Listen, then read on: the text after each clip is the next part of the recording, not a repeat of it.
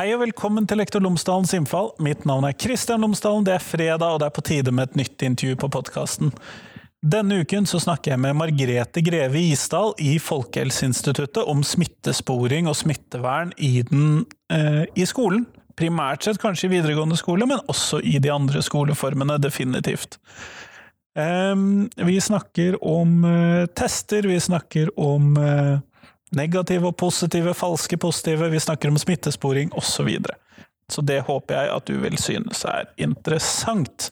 Podkasten er som vanlig sponset av Cappelen Dam Undervisning, og hvis du går inn på skolen fra Cappelen Dam, det finner du på skolen.cdu.no, så finner du alle de oppleggene, alle de nettsidene, ressursene, eh, undervisningsoppleggene som Cappelen Dam har laget i forbindelse med fagfornyelsen i grunnskolen.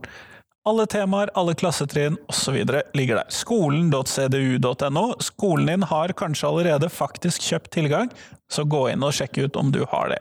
Hvis ikke, så får du snakke med en sjef. Jeg tror det også er mulig å bestille noen sånn prøvetilganger der, sånn at det håper jeg at du kan få glede av. Men her kommer intervjuet med Margrethe Greve Isdal, vær så god.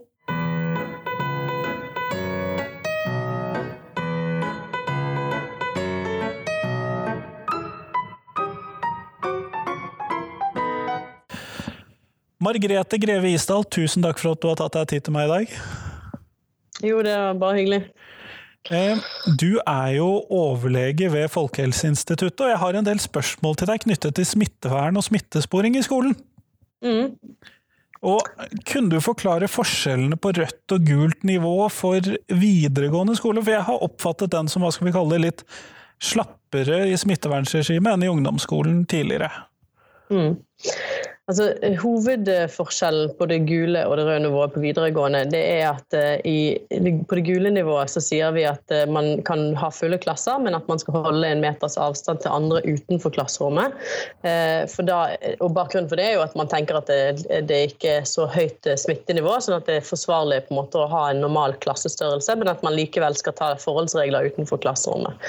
Mens det røde nivået så er det innført fordi at man da har et høyere smittenivå, og det er nødvendig å ha strengere smittevernråd. Og Da skal man holde en meter både innenfor klasserommet og utenfor.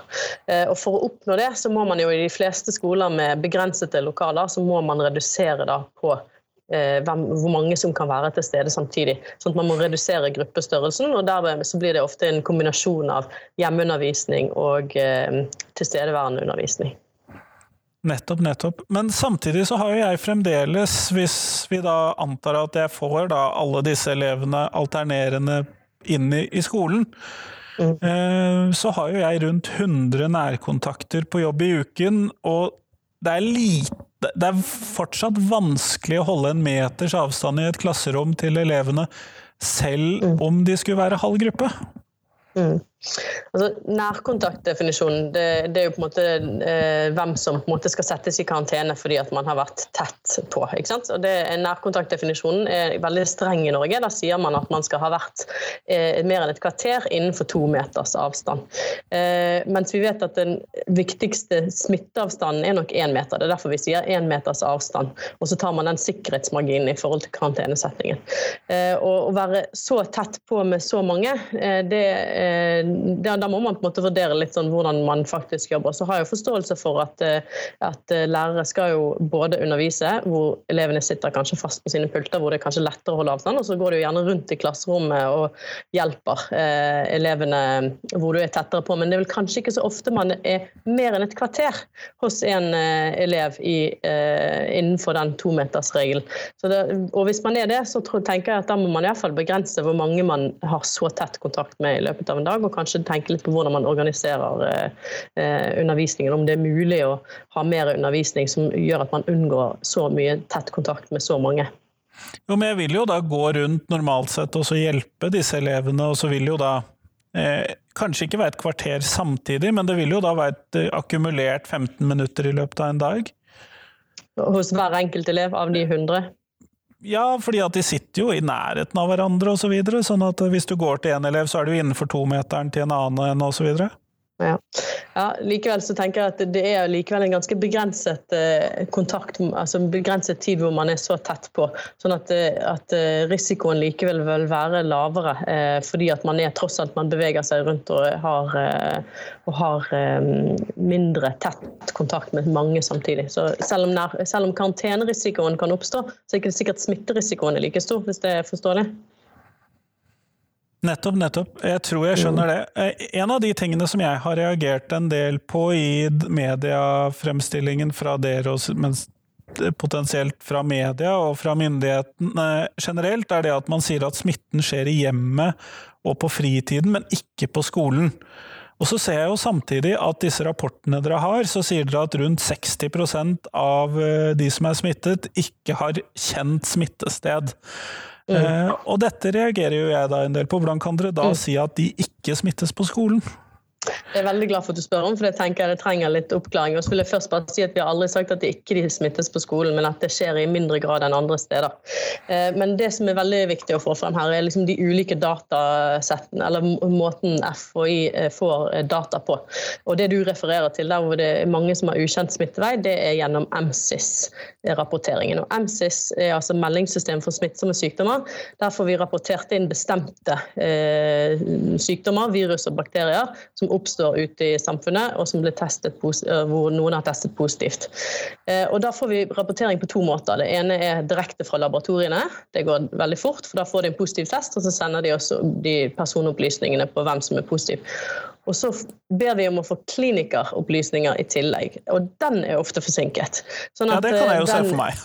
Ja, ikke sant? Og Spesielt nå når det er et økt smittetrykk, så kan den ofte bli veldig forsinket. Det, eh, det, betyr ikke at ikke kommunene sitter på den informasjonen, men at den ikke nødvendigvis eh, tilkommer oss i raskt nok tempo. Og så vil det selvfølgelig være noen tilfeller hvor det faktisk er ukjent smittevei, men, men veldig mange av de 60 som du refererer til, har egentlig en kjent smittevei, men det bare ikke kommet inn i MC-systemene. Og Da kompenserer Folkehelseinstituttet for det, med den forsinkelsen, med at vi har et nasjonalt smittesporingsteam, hvor vi har kontakt med de ulike eh, kommunene der hvor det er utbrudd. Og så har vi et spesielt fokus, faktisk. Vi har to stykker som bare jobber med utbrudd i skoler, eh, som på en måte da ringer ut til kommunene og får opplysninger om hva som har skjedd på denne skolen, har det vært i skolen, har det vært utenfor, eh, var det noen som kom på skolen med symptomer. Det har det jo vært en del eksempler på at man ikke har kanskje oppfattet symptomene sine som alvorlige nok til å være hjemme og det gjelder både elever og ansatte.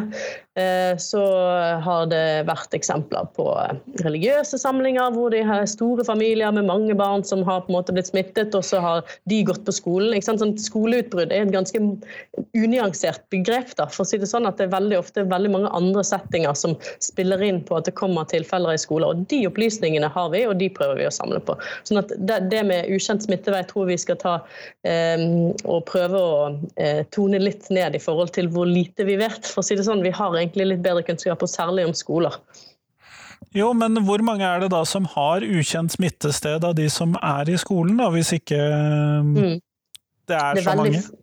Nei, det er veldig få av de som vi får rapportert inn som ikke har kjent smittested. De aller fleste har en, en smittesporing hvor de har en kjent eksponering som har startet det hele.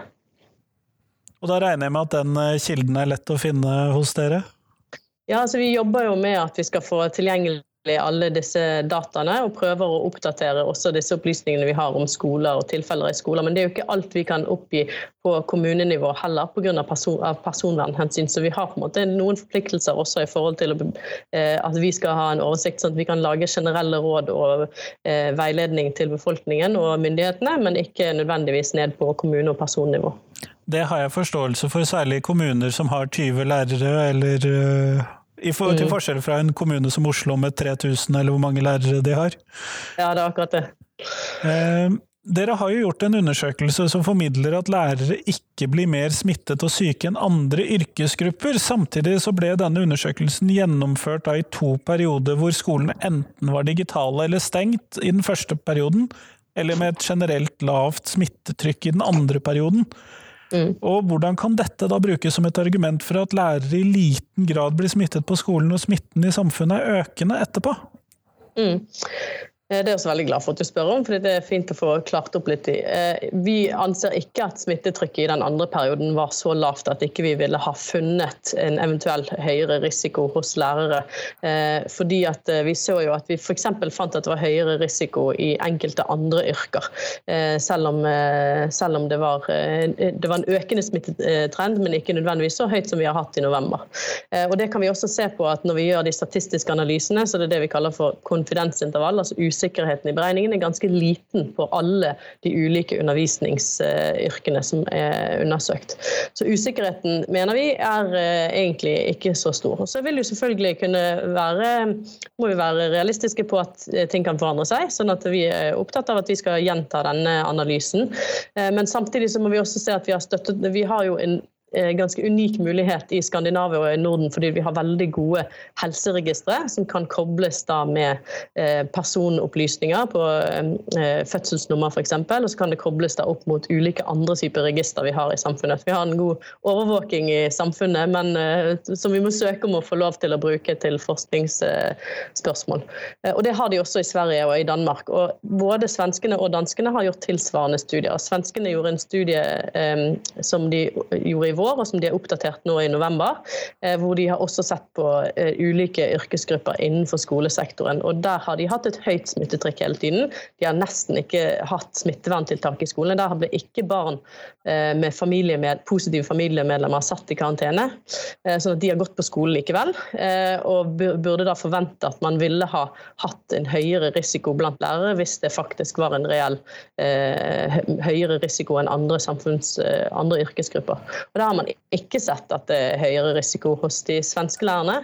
Eh, og hos, i Danmark så ser man også da har man en slags fortløpende overvåking av eh, yrkessmitte i ulike yrker. Og da ser man at lærerne ligger liksom helt midt i gjennomsnittet. Sånn at det er, noen yrker som har mye høyere risiko, noen som har lavere, men, at lærerne ligger helt på gjennomsnittet, rett og slett. Så de tre landenes eh, studier til sammen gir jo oss en ganske tydelig indikasjon på at det ikke er høyere risiko for lærere i skolen. Eh, når man da ser på denne statistikken, så tenker jeg jo det at det kanskje ville være naturlig å slå sammen lærere i ulike skoleslag i en samlet oversikt, sånn at man eh, at det ble et tydeligere bilde. For den oversikten over lærere ble jo ganske fragmentert. Ja, det kan du si. Men så er jo på en måte kunnskapen vi har, er jo at eh, de yngre barna i mindre grad eh, smitter f.eks. Enn, eh, enn det ungdom gjør, som er fortsatt litt lavere enn voksne. Så det, eh, det vil også, liksom, vi har på en måte en slags gradienter i forhold til at det er veldig lavt hos de minste, og så er det høyere i slutten av tenårene, men det er fortsatt høyere i 20-årene. Um, og da, når man da ser på de ulike lærergruppene, hvor man eh, kan da på en måte se i forhold til hvilken aldersgruppe de underviser, så vil det være interessant å vite f.eks. om en videregående lærer har høyere risiko enn en barneskolelærer. Hvis man hadde puttet alt i samme sekk, så ville vi ha mistet den nyansen, rett og slett.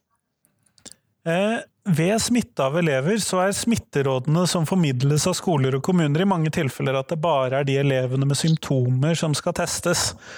Mm. Eh, og hvorfor anbefaler dere ikke mer utstrakt testing av elever og ansatte ved påvist smitte i skolen? Og det er jo mm. enkelte land, sånn som Tyskland, eh, som gjør dette systematisk, i hvert fall delvis systematisk, det er jo et føderalt land.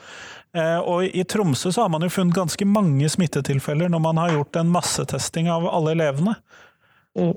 Altså det, det, viktigste er alltid at man skal teste de som eh, har symptomer, og de som har en kjent eksponering, altså de som er definert som nærkontakter. Eh, og når man gjør det, så vil man på en måte avdekke de aller fleste. Eh, og i tillegg så er det litt avhengig av smittesporingskapasiteten når man da kan gå utover det. Så har det blitt gjort eh, altså Det å teste en hel skole, det kan jo på en måte være en slags temperaturmåling på smitten i samfunnet generelt. For det man gjerne da ser, er at hvis det oppdager smitte blant eh, Eh, man oppdager smitte i, ulike klasser eller trinn eller sånn som ikke egentlig har hatt noe kontakt med hverandre. Så det er mer et uttrykk for at det er smitte i samfunnet enn at det er smitte på skolen.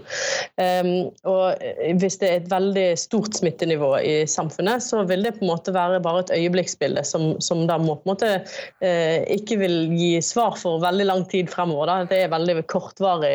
Ja, nei, Testene er jo bare et øyeblikksbilde. Ja, ikke sant. Og så er, jo, eh, er, vi jo opptatt av at vi skal bruke dette virkemidlet mest mulig effektivt. At vi må bruke det der hvor vi tror vi har mest nytte av å få eh, eh, svarene eh, og, få, og, og, finne mest mulig, egentlig. At vi kan avdekke flere tilfeller. Og Da er det jo viktig at vi bruker de ressursene riktig. Så jeg vet jo at Noen steder så har de hatt stor smittesporingskapasitet og har de testet mange. og så har egentlig erfaringen vært både i Oslo, i Tromsø og andre steder hvor de har gjort det, at de egentlig ikke finner så veldig mye mer enn det de ville ha avdekket ved en Eh, systematisk smittesporing av de som er positive eh, Nei, eller de som er nærkontakter i utgangspunktet. Sånn at det, det også har vært settinger utenfor skolen da, som ofte, som jeg sa innledningsvis også, som gjør at det kan være en uoversiktlig situasjon. Det er flere eksempler på at det har vært fester hvor mange har vært til stede, og kanskje noen med symptomer og sånne ting, som gjør at du da plutselig får veldig mange ulike klasser og, og personer som kan være eksponert. og Da kan det være større indikasjon for å gjøre det enn andre steder. Og Det er jo en av grunnene til at de har gjort det enkelte steder. Da, at det har vært sosiale sammenhenger utenfor skolen hvor smittevernrådene kanskje ikke blir fulgt eh, til punkt og prikke. Men der har man jo funnet ganske mange som er asymptomatiske, da? Ja, og det er også en viktig ting å få snakket litt om. fordi Det er en forskjell på asymptomatisk, altså de som aldri utvikler symptomer, og det vi kaller for presymptomatisk, altså de som bare blir oppdaget før de får symptomer. Og I tallene eh, så er det ikke alltid like lett å, se det, fordi de blir bare testet på det øyeblikket. Og Da er de asymptomatiske hele gjengen. Så må man på en måte gå inn etterpå og se hvem av de faktisk utviklet symptomer. Og det vi vet er jo at De presymptomatiske de kan være smittsomme, mens de asymptomatiske det er fortsatt ganske uklart om de egentlig har noe særlig smitte. Og vi gjør jo en studie på yngre barn eh, nå, som er på barnehage og barneskole og eh, ungdomsskoletrinnet foreløpig. Eh, hvor vi går inn og tester der, bruker, tar utgangspunkt i et barn som har en positiv test, gjerne fordi det har vært eh, familiemedlemmer som er positive. Og så gjør vi testing av alle kontaktene rundt det barnet. Eh, og da finner vi utrolig lite smitte, rett og slett, eh, blant, blant kontaktene. Og I barneskoletrinnet, hvor vi har kommet lengst i analysene, så er det sett at eh, barn smitter andre barn i mindre enn 1 av tilfellene, og de smitter ansatte i mindre enn 2 av tilfellene. Så har vi jo da Hvor mange barn er det vi har i skolen? 700 000 eller noe sånt? Ja, det er vel sikkert den størrelsesorden. Hmm. Eh, sånn at prosenttallene blir jo ganske store, da, hvis vi da ja, nei, men du kan ikke ta Nei, nei, nei. Vi har ikke sett på Det er ikke hele befolkningen, så det ble feil, det ble feil eh, nevner. ikke sant? Eh, vi må se på de skolene der hvor det faktisk har vært meldt tilfeller, og dette det har gjort i enkelte smittesporings... Eh, I spesifikke smittesporinger. Men vi har jo av alle de 1000 skolene som er i Norge, så er det jo et mindretall som har rapportert eh, om tilfeller. Eh, og de aller fleste har kanskje bare ett tilfelle. Eh, selv i Oslo så er de aller fleste skolene kun rapporterer de ett tilfelle. Og så er det noen veldig få skoler som har flere tilfeller. Eh, og noen eh, Nå er det vel eh, Skal vi gjøre opp tallene for november nå i disse dager, men jeg mener at det er fortsatt under ti skoler som har hatt mer enn ti tilfeller tilfeller totalt. Eh, og da er det de skolene eh, Det vi ser som et kjennetegn på de skolene der hvor det har vært veldig mange tilfeller, det er at det er veldig mange ansatte som er smittet. Altså Da har de gjerne smittet hverandre også. Sånn at det, jeg synes det er veldig fint å kunne bruke denne podkasten til å oppfordre til at man må faktisk eh, selv selvfølgelig forsøke, det tror jeg lærerne absolutt gjør, å holde, smitte, holde smittevernrådene også i forhold til kollegaer. Det er en utrolig kjedelig fase hvor ikke du kan ha store lunsjer og snakke med hvem du vil. At man må på en måte hele tiden holde seg i små grupper. Men det er faktisk ganske viktig. Eh, og at også skolelederne ikke minst legger til rette for at det skal være mulig for lærerne å holde eh, smittevernrådene når de gjør arbeid på kontoret, eller at de kan ha hjemmekontor hvis det ikke er mulig. Eh, og særlig da i de områdene hvor det er høyt smittenivå, så er det viktig å tenke på at skolen er en arbeidsplass. og Da må man også kunne ta de hensyn som vi, eller de råd som vi også gir til andre arbeidsplasser, må også implementeres i skolen. Ja, Der har jo jeg sett eh, og hørt om skoler i Bergen som, har, eh, som da har vært et sånt høyt smittetrykkområde, som har fremdeles hatt fellesmøter, fysisk oppmøte til langt ut i i hvert fall mm. oktober, om ikke også i november. Det er jeg litt usikker på. Mm. Eh, og det er jo stikk i strid med hva du sier her nå. Absolutt. Jeg tenker at De store fellesmøtene de må man avholde digitalt. Eh, og så er det på en måte hvordan man skal prøve å tilrettelegge for en del av de oppgavene som ikke krever at man nødvendigvis er på skolen. Eh, enten hvis man har eh, flere mulighet til å ha bedre plass på kontorene, så det oppfordres det. Og hvis ikke det er mulig, så må man vurdere å kunne legge til rette for hjemmekontor. Nettopp. Fra Finland, som bruk, som bruker en app til å overvåke eksponering for smittesituasjoner, så er det sånn som jeg forstår det, så ser man at mye av eksponeringen skjer i skolen. Og hvorfor tilsier det at vi har et annet funn her, da, sånn som du mm. fremstiller det? Så nå er jeg inne og sjekket den nettsiden som du eh, har eh, henvist til. og Det er jo en anonym nettside hvor eh, måte det er en anonym innrapportering av uh, mulige eksponeringer. sånn at det, det, er jo på en måte ikke noen offisiell datakilde og har ganske mange feilkilder. Så uh, jeg tenker det jeg har gjort, er at jeg har kontaktet mine finske kollegaer for å få de offisielle tallene, sånn at det skulle være mest mulig korrekt, det jeg sier. Uh, og de har en veldig, de har en veldig nøyaktig, eller hva jeg skal si, sånn systematisk eh, smittesporing i skolene, sånn som vi har i Norge. Hvor de også innhenter De har en ansatt person som også da ringer til alle skoler som har tilfeller, og rapporterer om hvordan eh, smitteutviklingen har vært i de enkelte skoler. Og De har jo som oss en økning i tilfeller. De ligger et par uker bak oss faktisk i forhold til eh, hvordan, hvor vi er. Så de er vel der nå hvor vi var for to-tre uker siden. En travel tid, med andre ord. Ja, det er en travel tid. Eh, hvor det er en økning i tilfeller. Men de, ser, de har gjort en nøye analyser hvor de har på en måte sett på hvem som har hatt symptomer først, og hvordan smittespredningen har vært for den enkelte. Og sett på, gjort analyser i forhold til om det var barn som var første tilfelle, eller voksne. Og de ser at det er i grunnen dobbelt så ofte at de ansatte smitt, sprer smitte på skolen i forhold til barna. Eh, og da har de gjort det opp til og med ungdomsskolen, så de har ikke gode nok data fra videregående. Der. Så det er på en måte akkurat det med videregående. Der eh, vi, må vi antageligvis bruke litt andre forskningsmetoder for å komme til bunns i det, og det jobber vi nå her med på FHI as we speak, for å si det sånn. Mm. Spennende. Vi er opptatt av at vi, vi alle har en felles interesse i at vi skal ha best mulig kunnskap og gi best mulig råd i forhold til hva som er den reelle risikoen risikoen. Jeg hører jo potensielle senere intervjuer, det gjør jo jeg da. Eh, tidligere så har dere eh, sagt det at man ikke skal teste seg når man er symptomfri, eh, og det har dere begrunnet i frykten for falske positive eh, tester. Eh, og jeg må jo innrømme at eh, jeg kan forstå at man ikke skal ta opp testlaboratorier og den type ting, men jeg er nok mer bekymret for falske negative tester, og at jeg skal være en smittefare uten at jeg vet om det. Mm. Sånn med tanke på så nærkontakter osv. Ja. Ja. Altså Både falske positive og falske negative er jo et problem. Så det er om å gjøre, om å, gjøre få en test som har et, et høyest mulig treffsikkerhet. Det er i alles uh, interesse. Men hvis du sier at falske positive ikke er så stort problem, så kan du se for deg hva som faktisk skjer da hvis man får en positiv test. Da betyr det at hele smittesporingsteamet i kommunen settes i sving. Man skal da kartlegge alle kontaktene man har hatt den siste tiden, hvem som skal i karantene. Mange som da må i ti dagers karantene, kanskje unødvendig hvis det er en falsk positiv test. Eh, sånn at det er et ganske stort inngripen for mange, selv om eh, det er eh, Det kan se ut fra utsiden at det kanskje liksom er verdt det. da. Men jeg tenker at det er et såpass stort inngripen at vi må, være, vi må bruke det når det, er, når det er nødvendig, og prøve å begrense bruken av det når det er unødvendig. og Derfor så anbefaler vi at testing av de som ikke har symptomer, det skal gjøres kun i enkelte tilfeller der man har en eh, smittesporing, f.eks. At man har en sikker nærkontakt, eller at man har en annen type risiko. Eller skal eh, ja, i grunnen det. Man har vært ute og reist i et område som har veldig høyt smittetrykk, f.eks. Hvor det har høyere sannsynlighet for at eh, det kan være en positiv prøve.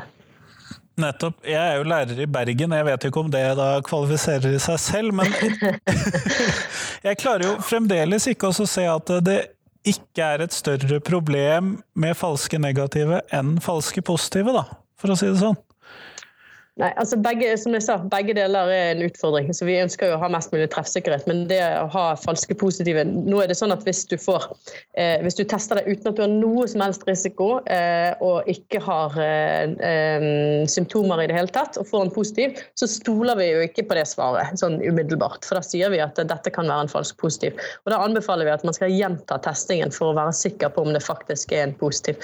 Så det, det går jo da to test tester til laboratoriet for å avdekke de falske positive. Og fortsatt da så må jo den som er testet være hjemme inntil man har det prøvesvaret. Så det er jo en belastning både for den enkelte og for systemet. Men eh, det er ikke det at man aldri skal bruke det, men det skal helst brukes mest mulig målrettet. Nettopp, nettopp. Eh, tusen takk for at du tok deg tid til meg i dag.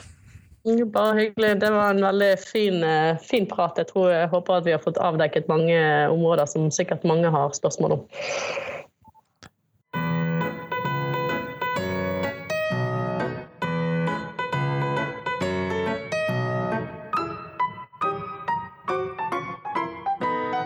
Tusen takk til Margrethe, og tusen takk til deg som hørte på. Nå er det fram til tirsdag før det kommer et nytt intervju. I mellomtiden så håper jeg at du kan sjekke ut Tenketorsdag-posten min, som du finner på Twitter og Instagram og osv. Den kom i går, på torsdag. Den 3. Eh, desember, og det handlet om hva er din faglige hjertesak i skolen? Og det håper jeg at du kan hjelpe meg å svare på.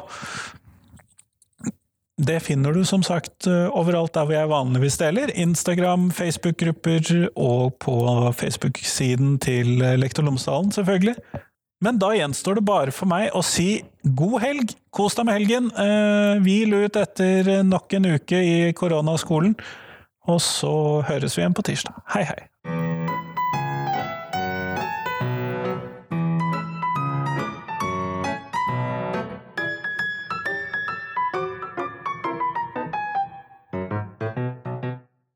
Husk at du kan gå inn på Facebook og finne Facebook-gruppen Lektor Lomsdalens innfall hvis du har lyst til å være med og diskutere norsk skole.